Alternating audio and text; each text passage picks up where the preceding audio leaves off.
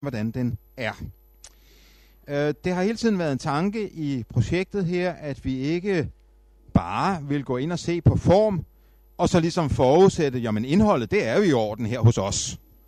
Øhm, og også ud fra den betragtning, at øh, hvis øh, der er noget galt, og hvis der er nogle ting, der skal rettes op på, at så er det måske ikke bare formen, øh, man skal ind og kigge på, men at vi også på en sund, øh, selvkritisk måde kunne spørge til, om indholdet også er, som vi ønsker, det skal være. Og det var baggrunden for, at vi øh, både til tilhørende og til forkynderne rejste et stort spørgsmål, spørgsmål 10 i begge øh, skemaer, som så består af 10 øh, underspørgsmål. Og det var her, vi havde brug for vores forudgående definition af, hvad god forkyndelse er. For ellers kan vi jo ikke stille de spørgsmål, vi finder er de relevante til, øh, hvad der kendetegner forkyndelsen i dag. Så den der definition, bibelsk, frigørende og forpligtende forkyndelse med henblik på hverdagen og evigheden, den har været styrende for, at det så lige præcis er de her 10 spørgsmål, vi har rejst. Men vi er selvfølgelig åbne for, at man kunne have rejst mange andre spørgsmål. Og der kunne være mange andre spørgsmål, som også kunne have været relevante. Øh, men man er nødt til, når man skal øh, lave en, en undersøgelse og begrænse sig, det er et fantastisk, en fantastisk øvelse i det, som enhver forkynder skal øve sig på, nemlig kill your darlings. Øh, så havde jeg ikke lært det før, så fik jeg øvet mig på det i forbindelse med, at vi skulle øh, udarbejde det her. Det endte i hvert fald med de 10 spørgsmål, som vi skal se på nu, og som, øh, som vi mener ikke er de eneste, men i hvert fald er nogle vigtige at rejse i forhold til forkyndelsen. Og det første lyder, er forkyndelsen forankret i Bibelen? Jeg skal lige sige, at alle spørgsmål er i den rapport, som senere vil udkomme, yderligere uddybet en fireliners definition af hvert spørgsmål. Fordi hvert spørgsmål kan man jo rejse spørgsmål til og sige, hvad betyder det lige præcis? Øh, men man er også nødt til en undersøgelse som den her. Man kan ikke forvente, at folk øh, læser en lang tekst for inden. Så man er nødt til at lave nogle korte, prægnante spørgsmål. Og med undtagelse af et, skal jeg komme tilbage til lige om lidt, som er mislykkedes for os. Der er et spørgsmål, vi har fået formuleret dumt og forkert. Så er det faktisk lykkedes, mener vi, med de ni andre spørgsmål her i den her kategori, at få dem forklaret øh, og få dem formuleret forholdsvis tydeligt. Er forkyndelsen forankret i Bibelen? Den forkyndelse, som man lytter til. Og der ser I et øh, meget klart svar fra både øh, tilhørende og forkynderne. Øh, I ser, at 97 procent, henholdsvis 98 procent, er enige eller meget enige øh, i, at forkyndelsen er forankret i Bibelen. Derimod ser I et lidt interessant forhold, og det er selvfølgelig kun sekundære data med de 138 manus, men der viser sig allerede det mønster, som I nu kan se længere nede under, at øh, vi 11, der har bedømt de her 138 manuser, er lidt mere øh, kritiske i vores bedømmelse af det, og svarer altså, at kun det gælder 81 procent af disse her 138 manuser, at de i høj eller meget høj grad øh, er forankret i Bibelen. Øh, man kan have hele overvejelsen, om det så er os, der er de 11 personer, der har vurderet de her prædikner, der er alt for kritiske og alt for øh, homiletiske over i vores hoveder, eller hvad det er, vi er. Øhm, om det er os, der har taget fejl, om det er os, der er for hårde i bedømmelsen, eller det er øh, tilhørende og forkynderne, der måske mere svarer på bør end på er. Det kan man nemlig godt spørge om.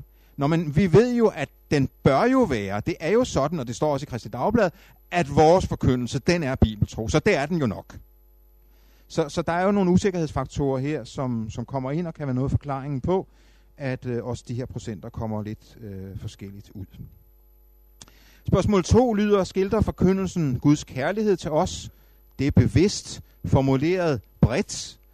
Første trosartikel er også tænkt ind i det her. Gud som skaberen, Gud som opretholderen, den måde han viser sin kærlighed på der.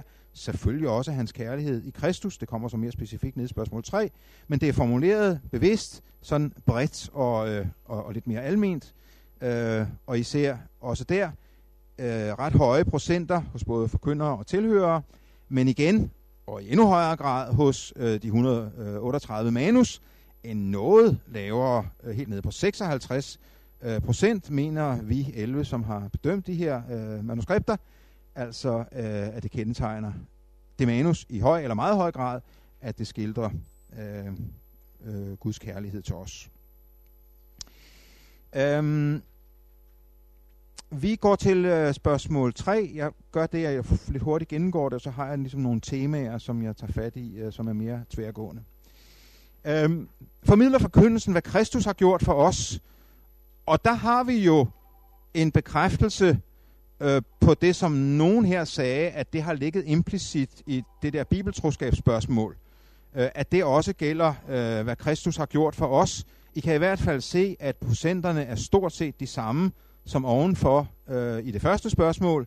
Der er en meget høj besvarelse af enig eller meget enig, øh, at Kristus øh, forkyndelsen formidler, hvad Kristus har gjort for os. Og også her en noget lavere øh, vurdering af de 138 manus. Den ligger helt nede på 53 procent i dette her. Øhm, så lagde vi jo ret bevidst øh, vægt på også i vores definition, indledende definition, at det havde stor betydning med evighedsdimensionen. Og derfor er det også naturligt at rejse det her fjerde spørgsmål. Har forkyndelsen en tydelig evighedsdimension?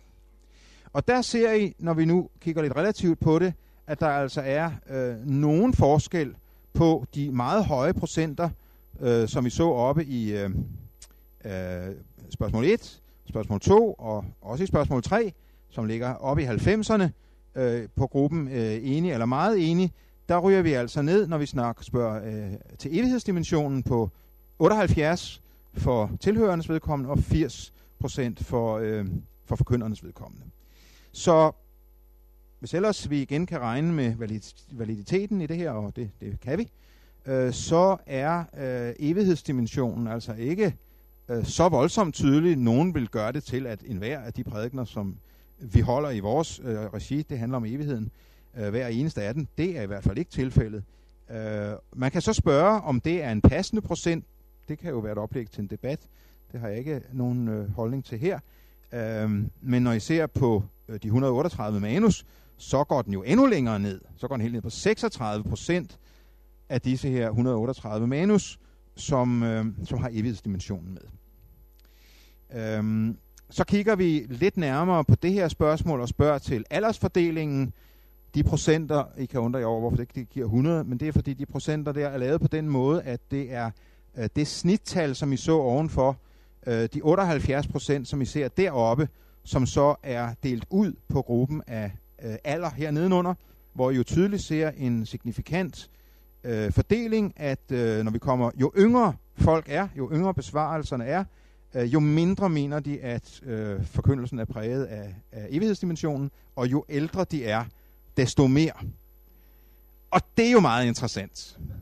For det er jo den samme forkyndelse, sådan set, man udtaler sig om. Hvordan kan det være, at de ældre hører mere evighed, end de yngre gør i det, der forkyndes? Hvad var De er mere interesserede i den. Måske, de er tættere på. Øhm, er det fordi, øhm, er det fordi de ældre hører mange ting med? Det tror jeg i hvert fald er en faktor, man må regne med, at jo ældre en tilhører man er, jo mere hører man med implicit. Øh, når, jamen, vi ved jo godt, at når han siger det der om Jesu frelse, så har det jo med evigheden at gøre. Selvom der ikke bliver sagt, at det har med evigheden at gøre. Det tror vi er øh, en af hovedforklaringerne på, at øh, aldersfordelingen er så relativt øh, skæv, som den er her, øh, at der ligesom der høres mere med. Og så er der et andet forhold, som nok også spiller ind, nemlig at man bliver mere velvillig med årene. Man bliver mere velvillig over forkyndelsen med årene. Øhm, og det tror du ikke rigtigt. Nej, Connie er nok, und Connie er nok undtagelsen, der bekræfter reglen. øhm, det kan vi, det kan vi gerne diskutere. Vi går til femte spørgsmål. Øh, udfordrer forkyndelsen til discipleskab og efterfølgelse af Kristus. For i vores øh, definition på god, for, på god forkyndelse havde vi jo også ordet forpligtende. Og deri ligger også det her øh, discipleskab, efterfølgelsesperspektiv, hvor I altså ser, at, øh, at vi går endnu længere ned i procent øh, hos øh, tilhørende i hvert fald, på 77 procent, og øh, forkynderne øh, markerer 86 procent. Øh, der har vi også gået ind og set lidt på, øh, hvordan øh, den procentvise fordeling er rent aldersmæssigt. øh, hvor jeg også kan se, at øh, enighedsprocenten for de øh, yngste er, er lavest, og så stiger den fra 75 til 80 til 82 øh, aldersmæssigt. Altså det samme forhold som med evighedsperspektivet. Så det er nok ikke fordi, at de ældre hører på noget helt andet forkyndelse, end de unge gør. Øh, I hvert fald ikke det, der er den dominerende forklaring. Det er nok alligevel det her med ørerne, der hører. Og dermed er vi jo inde på et forhold, som er helt afgørende i hele den her undersøgelses kontekst, nemlig, at det er jo ikke altid det, der bliver sagt, der bliver hørt. Og det vi har udfordret folk på her, i hvert fald tilhørende, det er jo, hvad de hører. Der kan godt siges noget, som høres anderledes. Det ser vi her og en hel del andre steder, øh, og hvis ikke vi vidste det på forhånd, så er det i hvert fald øh, også dokumenteret her. Vi går til det sjette spørgsmål. Opmuntrer forkyndelsen til mission? Det skulle man vel forvente af disse missionske organisationer. Jeg mener, der er både ydermissionsselskaber og øh, folk, der i øvrigt tænker meget i mission, både missional menighed, missional kirke, og med mission tænker vi jo ikke bare international mission, men, men mission i det hele taget. Det, at nye øh, skal med, og at nye øh, tænkes ind i den her sammenhæng. Der går vi altså endnu længere ned i procent i forhold til de foregående. 67 procent øh, svarer blandt tilhørende, at de er enige eller meget enige i det. Det er faktisk næsten en tredjedel lavere end de tre første spørgsmål, øh, og forkynderne ligger lidt højere på 76 procent. Også her ser vi præcis den samme øh, fordeling rent aldersmæssigt, at jo yngre folk er, kan I se ned i det næste schema, jo yngre folk er, øh, desto mindre hører de det her missionsperspektiv, og jo ældre folk er, desto mere hører de det. Og det kan igen være, tror jeg i hvert fald en del af forklaringen, at man hører det med. Det er måske ikke sagt direkte i den prædiken, eller i den øh, bibeltime, eller hvad det man har hørt, men det er ligesom hørt med. Når man har hørt evangeliet om Jesus, så ved man jo, at det får en konsekvens i forhold til naboen, eller hvad det nu er. Hvordan er så betydningen i forhold til øh, det hjem, man er vokset op i? Det har vi også set på øh, og krydskørt de data. Øh, og der kan I se i hvert fald en ikke fuldstændig konsekvent, men alligevel nogenlunde øh, sådan øh, talende fordeling om, at i de øh, hjem, hvor troen var altafgørende, der ligger procenten øh, for det her øh, missionsspørgsmål forholdsvis højt, øh, og generelt set jo lavere øh, det er rated med troen i ens opvæksthjem, jo lavere er også øh, missionsperspektivet med. Det kan man jo så gøre sådan nogle tanker over, hvorfor det, det er ikke markant, men alligevel, hvorfor er det sådan. Øh, her ser I så et helt øh, ekstremt, øh, en ekstrem forskel på de 138 manus, og så besvarelserne fra tilhører for kønnere. Vi er helt nede på 16 procent, som svarer, at det i høj eller meget høj grad har præget øh, det manus, de har siddet og analyseret.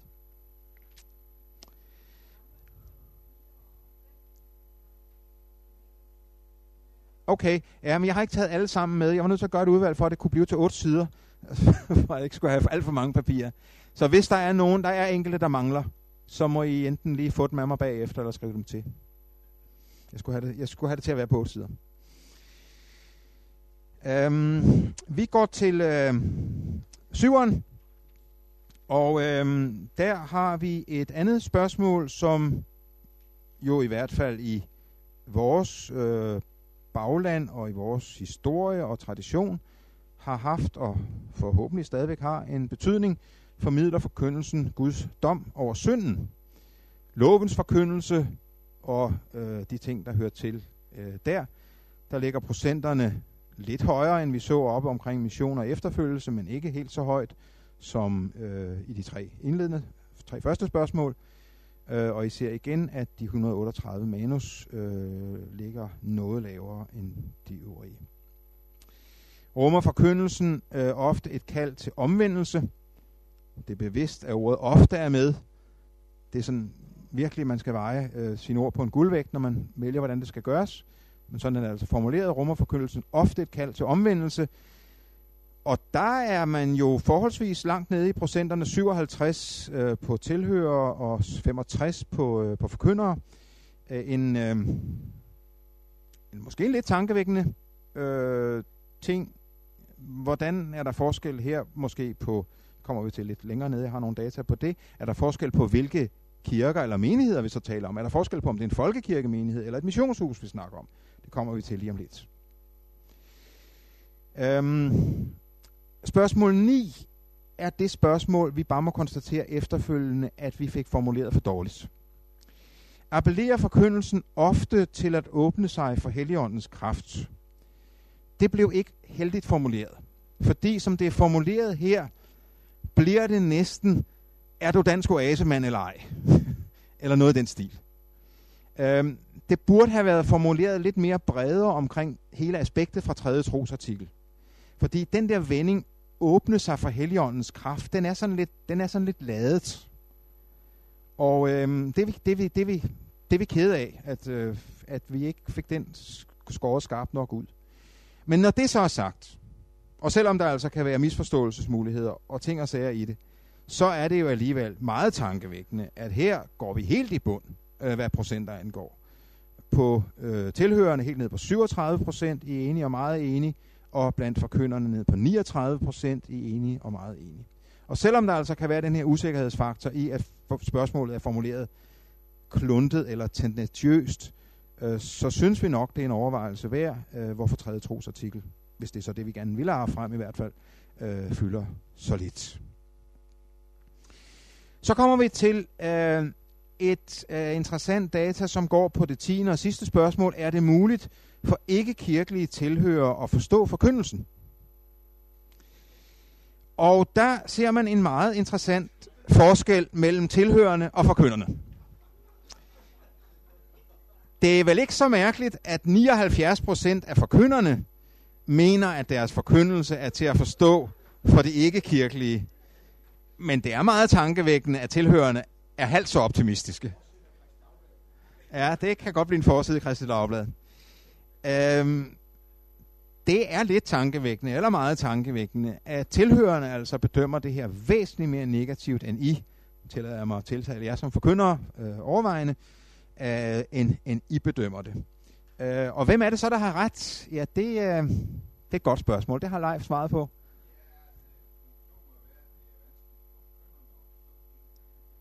Ja, ja, ja. Vi skal jo også her have med, at det er jo de kirkelige, der svarer på, om de ikke kirkelige kan forstå det. Det er jo ikke de ikke-kirkelige selv, der har svaret. Det skal vi lige have med. Øh, det kunne jo være væsentligt bedre, hvis det var alle de ikke-kirkelige, vi havde fået fat i. Men det er der jo altså øh, de for, forangående grunde til, at vi ikke har. Så må vi nok alligevel bedømme, at de kirkelige tilhører har en vis evne til at bedømme det her. Øhm, men noget tyder på, ja, som Leif siger, at, øh, at forkynderne måske mangler forståelse for, eller hvad? Der er nok forskel. Det viser sig, når vi kommer længere hen, der er meget stor forskel på, om vi snakker en folkekirke eller et missionshus. Det skal I se lige om lidt. Dan markeret.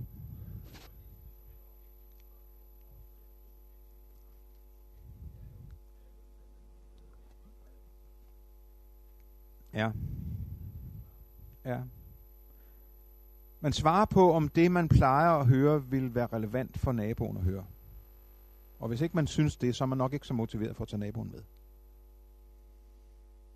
Der var flere, der markerede her. Jørgen?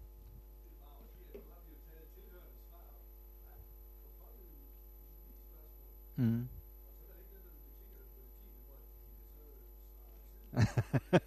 Nej. ja. Ja.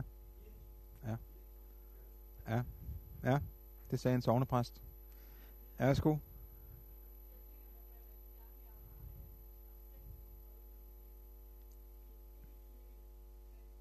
Ja. Ja. Ja. Ja. Ja. Ja, ja, ja. ja, ja. Og vi udvikler en slags fælles forståelse for, at når vi siger det på den her måde, så kan de forstå det. Vi har bare ikke spurgt dem om det. Bodil?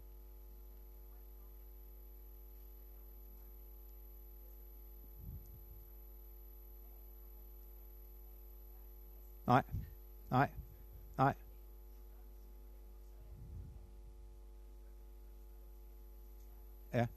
Ja. Og det skaber jo en, en, en snibboldeffekt, som bliver forstærkende. For, fordi det, når der ikke sidder nogen af dem, hvorfor skulle man så tale til dem? Og så næste gang, så det, det bliver ligesom bare værre og værre.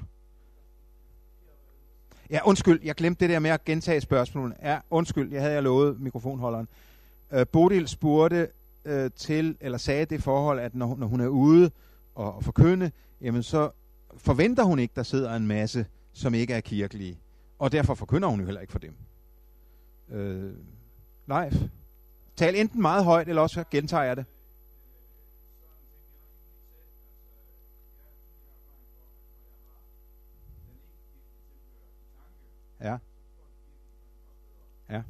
Okay. ja, det var, øh, var med her, ja. Øh, dernede fra.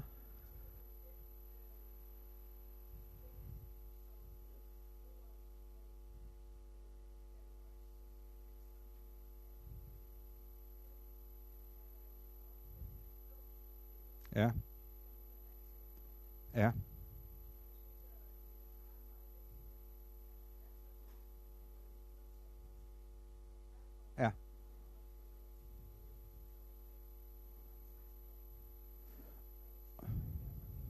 Nej. Det spørgsmål eller kommentar gik på det med dåbsfølget, og at øh, det skaber et særligt behov, og som jo nok gør, at mange af jer sovnepræster øh, har en anden vandhed i forhold til det, at der er øh, ikke kirkelige eller ikke så, så kirkevante folk med. Øh, Hanne?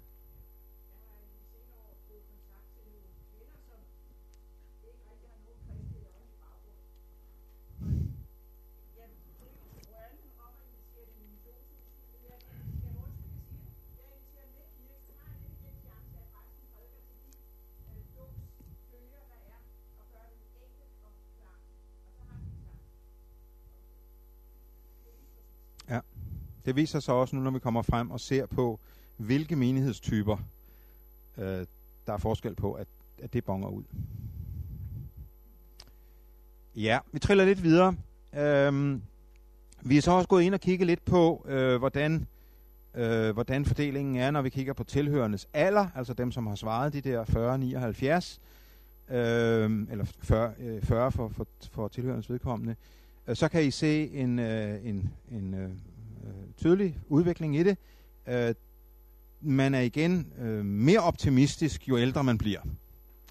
Øh, og det, øh, det, øh, det, om det har noget at gøre med, at vores forkyndelse er altmodisk, og derfor vil det være de ældste, der forstår mest af den, øh, eller om de unge bare er mere kritiske, det kan vi jo ikke rigtig svare på her, men det er ret markant, at øh, de unge oplever i endnu højere grad, at, øh, at forkyndelsen ikke er til at forstå for ikke-kirkelige.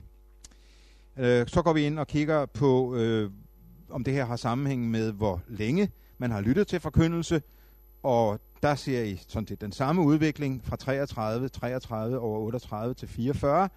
Øh, igen, jo længere erfaring man har, desto øh, mere tror man, at øh, de ikke kirkelige forstår det. Øh, vi har også kigget lidt på, øh, øh, på de forskellige typer af Øhm, øh, at, at, hvad hedder det, forkyndere. Øh, vi har delt op mellem øh, IM's ulønnede forkyndere, LM's ulønnede, ELM's ulønnede for at tage missionsforeningerne, præster i, folke, i valgmenigheder og øh, frimenigheder, og så præster i folkekirken.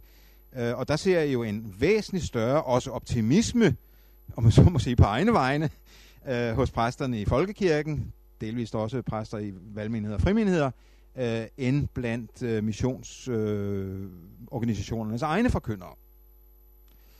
Øh, og det er måske noget af den der effekt med, jamen de plejer jo ikke at være her, de der ikke kirkelige, så vi siger ikke noget til dem. Måske er det en af mekanismerne i det her. Øh, lidt længere nede kommer der et svar på, om den optimisme, om de så har noget at have den optimisme i, de her folkekirkepræster. Kommer lige om lidt. Øh,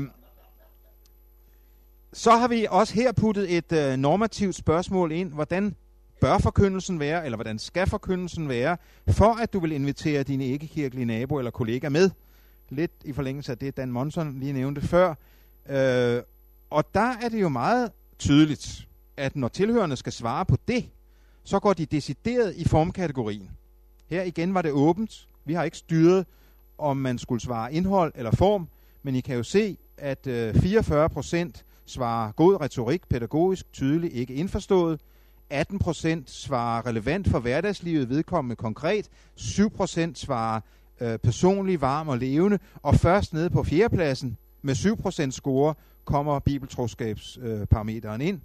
Øh, så kom, kommer der en ny øh, formkategori, øh, troværdig, ærlig, autentisk. Den skal være anderledes, og så kommer Jesus øh, i det her tilfælde ned på øh, 6. og 7. pladsen. Øh, det synes jeg ikke, man kan fortænke folk i i den her sammenhæng, for når man spørger på den måde, hvad skal der til, for at du inviterer din øh, nabo med, så vil det nok være meget naturligt, at man lige præcis øh, plotter på nogle formmæssige ting. Så det synes jeg egentlig ikke er, er særlig øh, overraskende. Så går vi ind og ser lidt på, hvordan er det her så fordelt. Her har I et meget stort schema. Jeg kan ikke engang få det hele op på skærmen her på en gang. Men I har fået det, håber jeg, på en side på jeres ark. Øh, for der har vi simpelthen gået ind så og set på, hvordan er enig eller meget enig svarprocenten på alle de her 10 kategorier, når vi så ser på forkynderne og tilhørende hver for sig, og så senere går ned og øh, differentierer det ud på øh, folkekirke forkyndere, folkekirke tilhører, valg og frimenighed forkyndere, valg og frimenighed til, tilhører, og så IM og LM og ELM, så kommer KFS med, og Israel kommer med. Det er for dem, der, dem, der ligger med de højeste procenter. Andre organisationer, som for eksempel KPI, bonger jo slet ikke ud i den her sammenhæng, for vi har ikke nogen tilhører. Undtagen jer, som sidder og gider at høre på mig nu. Øhm, men, men der får vi lidt syn på øh, spørgsmålet om, øh, om det der, om præsternes optimisme fra før, den holder stik. Og, øhm, og der kan I jo se, at øh, når vi går ned til det der øh, spørgsmål dernede, som jeg har min cursor ved nu, øh, altså folkekirken tilhører, så vil I kunne se, at øh, den ligger forholdsvis højt på det her spørgsmål om, øh, om forståelighed for ikke-kirkelige. Præsterne er oppe på de 97 procent, som vi så før, og tilhørende er ikke helt enige med jer, men alligevel et stykke på vej. Øhm, lidt større forskel er der, hvis vi går til frie og valgmenigheder. Der er forkynderne i fri- og valgmenigheder ret optimistiske og siger 89 øh, procent, mens tilhørende i valg- og frimenigheder øh, går ned på, 9, på 47 procent. Så der er altså et større spring mellem forkynderens vurdering og tilhørens vurdering. Sovne, ja, sovne menigheder. Ja, det er rigtigt. Men der har vi altså valgt i den her sammenhæng. Vi tror, at valg- og frimenigheder er en mere homogen sammen, altså de, de er mere sammenlignelige en, end sovnemenigheder, folkekirke sovnemenighed, Men du har jo ret, valgmenigheder er jo også en del af. Øh, men altså i den her sammenhæng, der er øh, valg- og frimenigheder samlet i en gruppe, og så, øh, skal vi sige, de øvrige sovne. Ja, det har været ret, ret klart, ja. Øhm, man kan så se, at øh, når vi går ned og kigger på, på øh, missionsforeningerne, så kan I se, at procenterne altså er faldende. Nu holder jeg stadig mig til, til, til den her kategori om kirkelige og ikke kirkelige. Hvis I tager IM's øh, ulønnede forkyndere, er der 65 procent, der er enige eller meget enige om det her, men det forståelige. Men blandt IM's tilhører er der altså kun 30 procent. Tilsvarende kan I se det med LM. Øh, 74 procent af forkynderne øh, mener, det er forståeligt, øh, mens kun 27 procent af øh, tilhørende mener det. Så det er, hvis man tager den ene kolonne, så kan man også gå ind, og det øh, kan, kan I selv gå ind og kigge lidt på. Der er faktisk også indimellem nogle interessante øh, fordelinger omkring forkyndelsen til mission, om forkyndelsen til discipleskab, øh, om det her med evighedsdimensionen. Der kan I altså også gå ind og se, øh, at der bestemt ikke er nogen helt jævn fordeling af, hvordan det øh, er, når tilhører og forkynder i forskellige menighedstyper skal øh, vurdere det her. Øh, det er faktisk et øh, sådan lidt øh, nysgerrighedsskabende oversigt, den her, hvor man rigtig kan skyde på de andre, ikke sandt? Og øh, prøve at finde de tal, der er bedst for en selv. Øh, det er også okay. Øh, men der er, øh, der er ret store spring. Der er ret store spring øh, i, øh, i de her svar. Øhm, ja, jeg skal lige blade lidt frem her i systemet. Uh, hvis vi går til, um, til nogle flere tal i forbindelse med de tre, um, de tre hvad skal jeg sige, udsagn, som vi synes har været mest øh, tankevækkende at arbejde med, så er det evighedsdimensionen, discipleskabet og missionen, og så det her med forståeligheden øh, i forskellige menighedstyper, vi har udvalgt. Og derfor lavet nogle øh, flere krydskørsler på dem. Øhm, hvis I ser på, hvad er det for en, jeg har taget ind der? Øh, nå ja, det er simpelthen procent, den første, den øverste her, det er simpelthen den procentuelle fordeling øh, mellem, hvordan vores øh, tilhører fordeler sig mellem menighedstyper. Hvis I tager folkekirke, og det er altså igen defineret, som, som Nils var inde på før, og så valg frimenigheder i en gruppe, Dansk Oase er så meget lavt. Dansk Oase er jo ikke med i selve undersøgelsen, men der har altså været nogen, der har svaret på den alligevel, selvom de, og det er jo, det er jo fair nok. Og missionshuse 59 procent og andre 5 procent. Det er den samlede fordeling af populationen. Hvis vi så går ned og ser på øh, først evighedsdimensionen, så vil I se, at øh, hvis I tager enige og meget enige procenterne derovre, så er det altså folkekirken, der kommer ud højst, øh, hvor evighedsdimensionen er tydeligt. Øh, den næsthøjeste, det er valg frimenigheder. Den øh, tredje højeste, det er andre. Det er sådan en blandingsgruppe af alt muligt. Så kommer missionshus, så kommer Dansk Oase. Hvis vi tager discipleskabet nedenunder, så ser det ud til, og jeg understreger det på et meget lille statistisk grundlag, men det er Dansk Oase, der kommer højst ud øh, der. Øh, andre kommer næsthøjst, øh, Folkekirken tredje højst, øh, valg frimenigheder dernæst, og missionshuse lavest, når det angår øh, discipleskab og efterfølgelse af Kristus. Forkyndelse til mission, øh, som er den, den øh, tredje parameter, vi har undersøgt nøjere, kan I se, at øh, der ligger Dansk Oase øh, højst. Øh, gentager, det er et meget lille statistisk grundlag, det øh, er udtrykt på. Øh, andre ligger næsthøjst, øh, så kommer valg- og frimenigheder, så kommer øh, folkekirken, og så kommer missionshusene.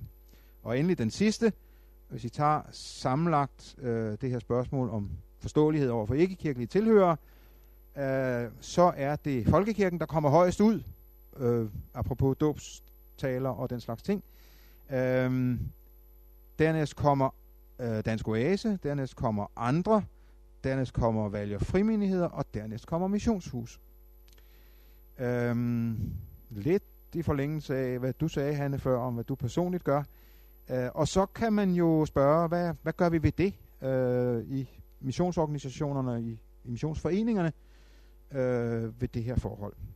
Øh, jeg har jo selvfølgelig mødt mange gange folk, når man har præsenteret nogle af de her ting, så, så, så siger de, jamen det vidste vi da i forvejen. Men Det er jo så fint, at folk har vidst det i forvejen, men nu har vi altså statistisk belæg for det. Det går trods alt en vis forskel. Øhm, ja, så vil jeg lige tage et sidste schema, inden øh, vi skal have en, øh, en samtale her. Og den øh, går øh, på et andet, noget interessant forhold. Nemlig, at folk så også fik mulighed for at svare på, hvad der karakteriserer den aktuelle forkyndelse, som de lytter til uden at de ligesom fik øh, nogle føringer for. Øh, de, de skulle ligesom bare sige, nu forestiller jeg mig mit indre hoved, det er forkyndelsen i Folkekirken, eller det er forkyndelsen i, i Luthers Mission. Jeg tænker på, hvad kendetegner den forkyndelse? Og der viser det sig altså noget meget interessant. Nemlig, at det, der bonger højst ud, når folk skal svare på, hvad der sådan lige, lige sådan på blank mark, hvad der kendetegner den forkyndelse, den er ikke relevant, den er uforståelig, og uvedkommende. Den kommer højst ud. Ja. Så kommer bibeltroskaben. Så kommer bibeltroskaben som nummer to. Og så kommer som nummer tre, at den er relevant for hverdagslivet. Den er vedkommende. Den er konkret.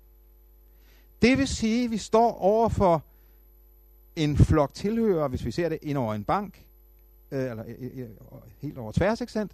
hvor cirka halvdelen finder forkyndelsen relevant, hverdagsnær og vedkommende, og den anden halvdel finder den irrelevant, uvedkommende og fjernt fra hverdagen. Værsgo at skylde, øh, kære forkyndere. Det er noget af en udfordring, at der åbenbart er så delte meninger om, hvad der kendetegner forkyndelsen, øh, som det viser sig her. Så er der nogle andre parametre, dem kan I selv kigge på derhen af, en blanding af indhold og form. Men det her forhold, at det irrele- ikke relevante, det uforståelige, det udkommende bonger ud som nummer et, og det relevante, vedkommende og konkrete bonger ud som nummer tre, øh, er selvmodsigende, eller i hvert fald udtryk for en, øh, en stor forskellighed. Øh, det kan man jo så desværre ikke gå ind og undersøge nærmere på. Det kan man rent øh, teknisk ikke gå ind og undersøge på, hvem det så er, hvilke menighedssammenhæng for eksempel det her er. For man kan ikke, det, det er noget med teknik, det er jeg ikke forstand på, men det har Kirsten.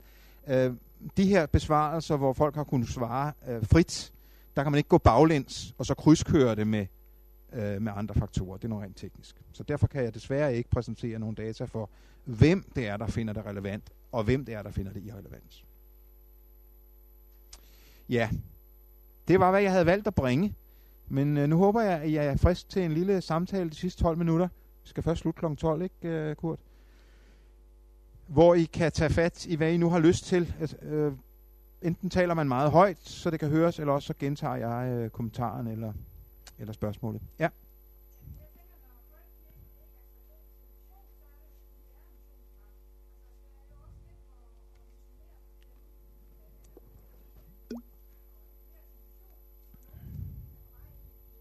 Ja.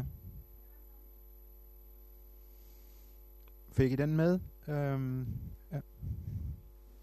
Kom, ja, jeg, er ikke, jeg er ikke professor her, som kan svare på alle spørgsmål, så det er mere oplæg til os alle sammen. Det er da det er relevant. Nogle kommentarer på det?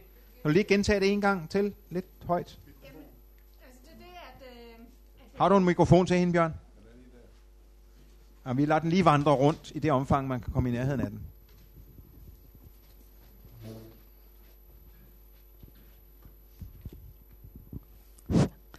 Altså det er den der med forkyndelse opmuntre til mission. Altså når der måske, eller man ligger på fjerde plads, okay, fjerde plads, altså nummer fire i, og at mission ikke er så udbredt i, øh, i forhold til, men øh, som ønsket, så øh, kan det jo være, at fordi folkekirken faktisk er en missionsmark, og det at, at, at appellere til mission for nogen, som er på vej ind i kirken, er måske ikke så oplagt. Er det måske forklaring? Man kunne sige, vi snakker ikke om mission, vi driver mission. Ja. Er der nogen kommentarer på det?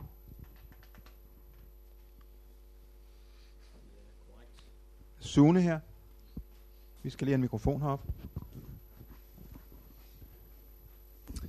Men det er i hvert fald en strategisk kortslutning, vil jeg så sige, fordi at min erfaring fra evangeliserende arbejde, det er dem, jeg har haft på alfakursus, som er på vej ind i kirken, det er de bedste evangelister. Så derfor så er den gruppe til at få forståelse af, hvad kirkens mission er, enormt vigtig at satse på. Mm, værsgo. Jamen, jeg vil gerne, øh, det lød lidt barsk, det jeg sagde før, om at jeg ville invitere kirkefremmede med i kirke, i stedet for i missionshuset. Jeg vil gerne sige noget til fordel for missionshusene. Og det er, at min erfaring er, at de folk i vores sogn, som er mest aktive i at få andre med, som arbejder med i alfagrupper og i missionskredse og i øh, frivilligt arbejde og blandt flygtninge og sådan noget, det er de folk, der har fået en solid og ordentlig forkyndelse i missionshusene. Det er der, de rekrutteres fra, de store de kernetropperne, også inde i kirken. Vi har et par kommentarer her. Jeg tror, hvis, hvis du lige løber rundt med, med mikrofonen, Bjørn. Uh, Kurt dernede først, og så Jørgen bagefter.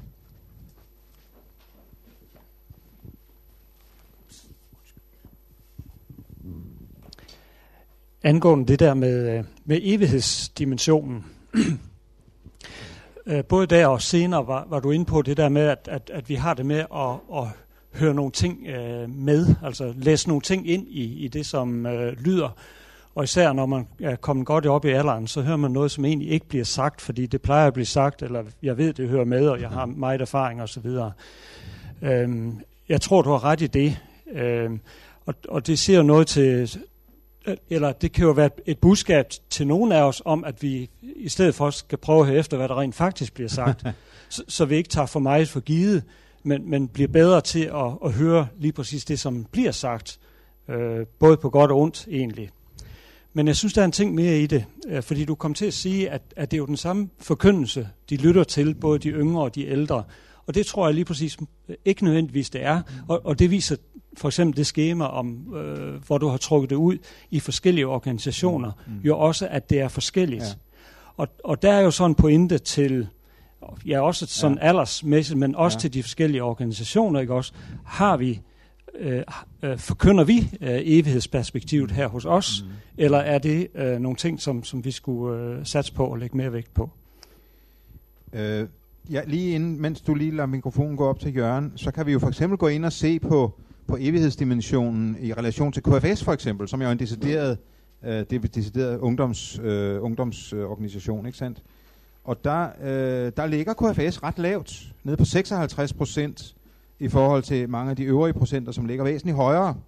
Så du har jo en pointe her, at, øh, at det for eksempel i forhold til, til KFS, som er, er det sted, hvor de yngre er, øh, til synligheden er der, ifølge tilhørende i hvert fald, ikke nær så meget forkyndelse om evigheden der, som andre steder. Øh, det er jo også øh, tankevækkende for, for KFS og for os, der har aktier i KFS. Øh, Jørgen? Ja, jeg er fritidsforkynder i Indre Mission og har en kommentar til, til Connie i den forbindelse. Hun hedder Hanne. Nå, ja, så, De er søstre. Ja, søster. Ja. Et eller andet. Øhm, hvis man skal invitere nogen kirkefremmede med ind i et fællesskab, så, så er der mere end forkyndelsen, der tæller.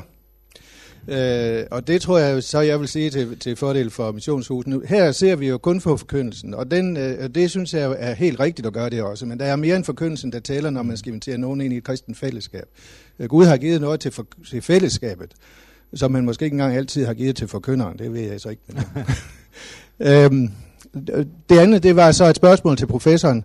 Hvorfor har I kun taget, en, en hel del af skemaerne kun taget de ulønnede forkyndere med i missionsorganisationerne? Der er jo også nogle øh, ansatte lønnede. Det er bare dem, jeg har udvalgt her. Øh, I rapporten som helhed er de lønnede også med. Men jeg, jeg, har, ikke, jeg har ikke udvalgt dem her. Nej, men, øh, det kan jeg jo se. Ja. Jeg spurgte sådan set, hvorfor. ja, det, det er det okay. med begrænsningen. Altså at, øh, og det har også lidt at gøre med, at det er dem, vi har størst, øh, størst antal af. Så de har bedst validitet.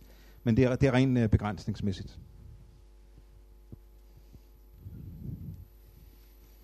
Jørgen? Det er bare en øh, lille detalje omkring jeres vurdering af de manus, der er indsendt. At når vi snakker forkyndelse, så burde man måske i højere grad have haft nogle lydfiler. Ja. Fordi øh, manus er en ting, og den prædiken, der bliver holdt, er ja. noget andet. Ja. Men der har vi jo så fordel af, at øh, i den øh, kvalitative undersøgelse, der har vi jo så øh, 10 lydfiler. Men det er jo så kun 10, og ikke engang 138, men kvalit- kvalitative undersøgelser er også noget helt andet jo. Det kan man ikke lave kvantitet på. Øh, så der har vi jo gjort det, at vi har båndet øh, optaget øh, 10 øh, prædikner eller forkyndelser, og de vil jo blive nu analyseret sammenkoblet med de interviews, der er foretaget af den pågældende forkynder og af tre tilhørere, som hørte den prædiken eller den tale, som der er tale om. Og det gør vi først og fremmest, fordi vi håber gennem den øh, kvalitative undersøgelse at få nogle, nogle øh, data på det meget interessante flow, der er mellem, det ville han sige, det sagde han, og det blev hørt. Vi håber, at den kvalitative undersøgelse især kan hjælpe os til det, fordi det kan vi ikke rigtig ud af de her tal lave noget på. Så vi håber meget, at vi ved at høre, hvad forkynderen sagde, han gerne ville sige, og derefter høre, hvad han rent faktisk sagde, og så snakker med tilhørende om, hvad de hørte, kan få noget at vide om det der meget interessante flow. Men ja, igen er det lidt, øh, at det var, det var noget nemmere at indsende et manus, øh, end at sende en lydfil og sådan noget. Ja. Claus? Jeg sidder og tænker på, at øh, når man får et manuskript, så tager man det ud af den sammenhæng, hvor i det blev hørt. Ja. Øh, og der er der altså en eller anden bias der, ikke ja. også, hvor meget lægger salmer og tekst, altså ja. resten ja. af konteksten i en forkyndelse, ja. Ja. til øh, de der spørgsmål, hvad der ja. er af indhold der. Så ja. der, der er virkelig noget, der overvejer. Ja, men det har du ret i. Og det er endnu en, endnu en faktor, der gør, at de 138 manus kan vi ikke lægge voldsomt stor vægt på. Vi tager det med, sådan det er lidt kuriøst måske, men, men, men og ja, også tankevækkende, men, men vi lægger ikke nær så stor vægt på det som de andre, for der er så mange, der er så mange faktorer, der, der er i spil. Bodil? Ja, det kan være, du har svaret på det her så, fordi mit spørgsmål er, hvor meget har I så vurderet, hvis folk har lavet en, uh, sådan en visuel præsentation med til deres manus, ja. uh, hvis de har sendt det ja. med, hvordan har I så vurderet det? For jeg kunne godt tænke mig at høre jeres vurdering af ja. folks evner i forhold til at visualisere det, de gerne vil ja. sige. Ja, om det egentlig spænder ben nogle gange mere, end det rent faktisk fremmer. Ja.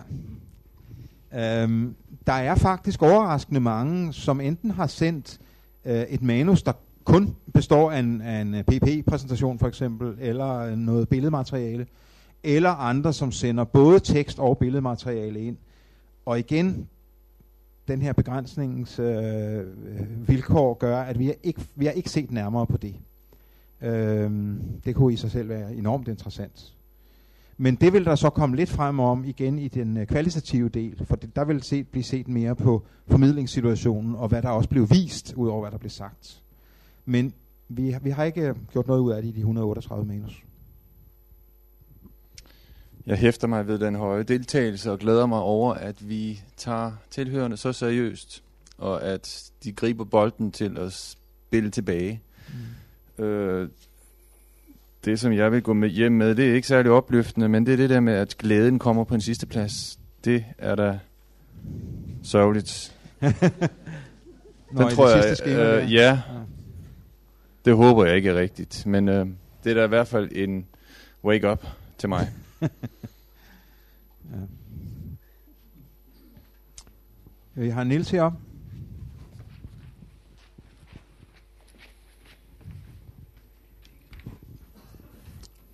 For mig er der ligesom øh, to ting, som øh, springer lidt i øjnene. Det ene det er, at øh, vi forkynder, vi må gøre, hvad vi kan for at få respons på vores forkyndelse, så vi mm. bliver bedre til at vurdere, ja. om vi når det, vi gerne vil. Ja. Øh, ja, det er det ene. Det andet det er det der med den uddannelsesmæssige baggrund. Øh, når vi den del af vores danske befolkning, som ikke er uddannet med evangeliet, ja. Ja. det ligger sådan lidt uden for ja. den her undersøgelse, men jeg synes, det er et spørgsmål, som, som ja. runger lidt. Ja. Og, og det andet spørgsmål i forlængelse af det, hvis de skal nås med evangeliet, er det så gennem forkyndelse? Ja. Eller er det gennem noget andet? Altså ja. alfa-kursus for eksempel. Ja. Øh, så den, den hænger også lidt, og den synes jeg, det er, det er en udfordring. Ja. Kurt havde lige en kommentar, det tror jeg bliver den sidste. Uh, hvis I lige vil lade mikrofonen vandre ned til Kurt.